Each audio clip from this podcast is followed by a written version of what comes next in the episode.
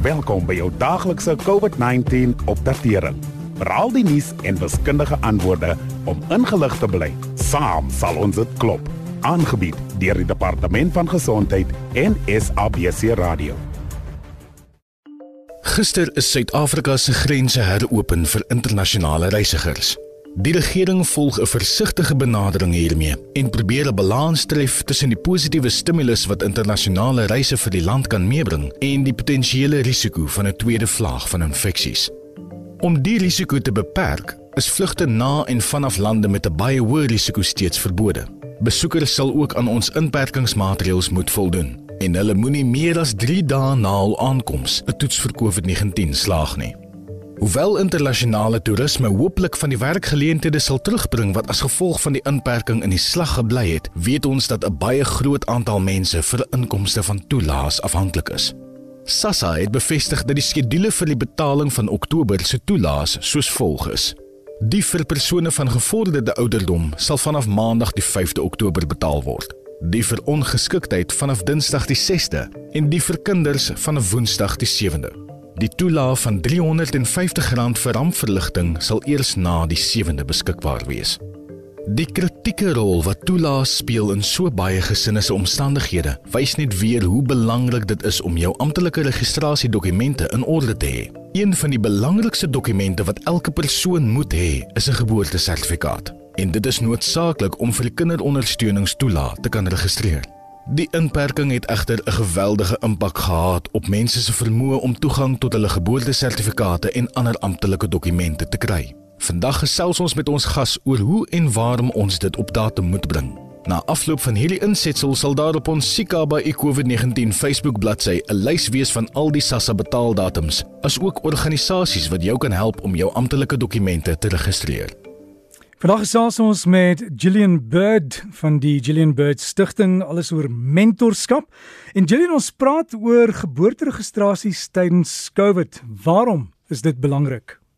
So wat 20000 babas word elke week in Suid-Afrika gebore en elkeen van hulle het 'n geboortesertifikaat nodig om amptelik deur die staat erken te kan word toegang tot dienste en die kindersorg toelaat te kry en later skool toe te kan gaan en 'n identiteitsdokument te kry. So wat dalk soos 'n klein probleempie mag klink om nie 'n kind se geboorte tydens die inperking te kan registreer nie, kan dalk 'n groot invloed op hulle toekoms hê. Wat is die proses vir geboorteregistrasies normaalweg? Alle kinders wat in Suid-Afrika gebore word, moet binne 30 dae by die naaste kantoor vir binnelandse sake geregistreer word. Party hospitale en klinieke het verteenwoordigers van binnelandse sake wat hiermee kan help. Jy het die volgende nodig: albei ouers se identiteitsdokumente, huweliksertifikaat as jy getroud is, bewys van jou baba se geboorte vanaf jou hospitaal of kliniek, jou vroedvrou of jou dokter. 'n Kind se geboorte kan geregistreer word deur hulle ouer, voog of wie ook al regtens vir hulle verantwoordelik is. As albei ouers op die geboortesertifikaat wil wees, maar nie getroud is nie, moet hulle albei daar wees en teken. Na die registrasie van 'n geboorte sal binnelandse sake 'n gratis onverkorte geboortesertifikaat verskaf. As dit verlore raak of jy 'n kopie nodig kry, moet jy daarvoor betaal. En Gillian, as 'n mens nou nie in tyd daar kan uitkom nie, wat van laat geboorteregistrasies?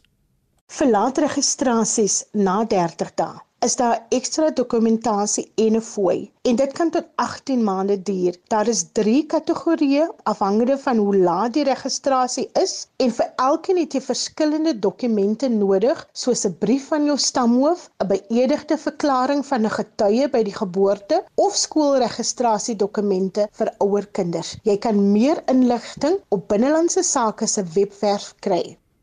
Goed so, dis wat normaalweg moet gebeur, maar wat het in werklikheid tydens die inperking tyd gebeur? Ons het gehoor daar was vertragings. Wel, amptelik het die departement nooit heeltemal gesluit nie en hulle het goed soos identiteitsdokumente uitgereik en geboorteregistrasies betyd afgehandel. Maar die inperking het 'n groot uitwerking gehad op die beskikbaarheid van mense en reisverteenwoordigers en op die openingstye van binnelandse sake se kantore.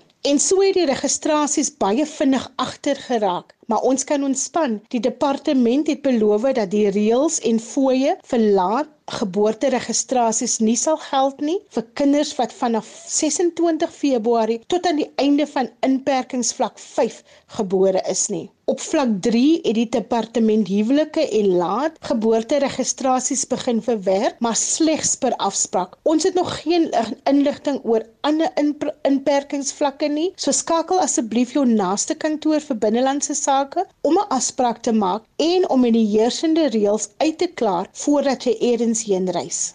En Gillian, wat gebeur met die ander dokumente? Die verstrykingsdatum vir tydelike dokumente wat tydens die inperking uitgereik is, soos die wat jy kry terwyl jy vir jou slim ID-kaart en trek arbeider permitte wag, is tot 31/2020 verleng, maar ons verwag aansienlike vertragings en agterstande. En binnelandse sake sal moontlik weer die geldigheid van hierdie dokumente moet verleng. Ander kwessies wat geboorteregistrasies kan vertraag en aansoekers kan frustreer, is onder meer as die ma self nie dokumente het nie of as 'n ouer oorlede is. Ons het ook gehoor dat daar vertragings met aannemingsregistrasies is en die aktiviste sê meer kinders word op die oomblik verwerp. En waar sal ons meer inligting kan kry? Besoek binnelandse sake se webwerf by dha.gov.za en soek birth certificates onder die oortjie civic services. Binnelandse sake se kantore is van maandag tot vrydag oop van 8:30 tot 15:30 en jy kan hulle gerus skakel by 0800 601 190. Jy kan ook verder inligting en hulp kry by 'n aantal NRO's en organisasies soos die Sentrum vir Regshulpbronne by lrc.org.za en prokureurs vir menseregte. sien ook ons Sikaba i COVID-19 Facebookblad vir meer inligting. En daar antwoord sy al ons vrae Gillian Gillian Bird Stichting dis van waar sy is en maandag kan jy weer by ons aansluit wanneer ons gesels oor hoe ouers hulle kinders se groei en ontwikkeling kan ondersteun.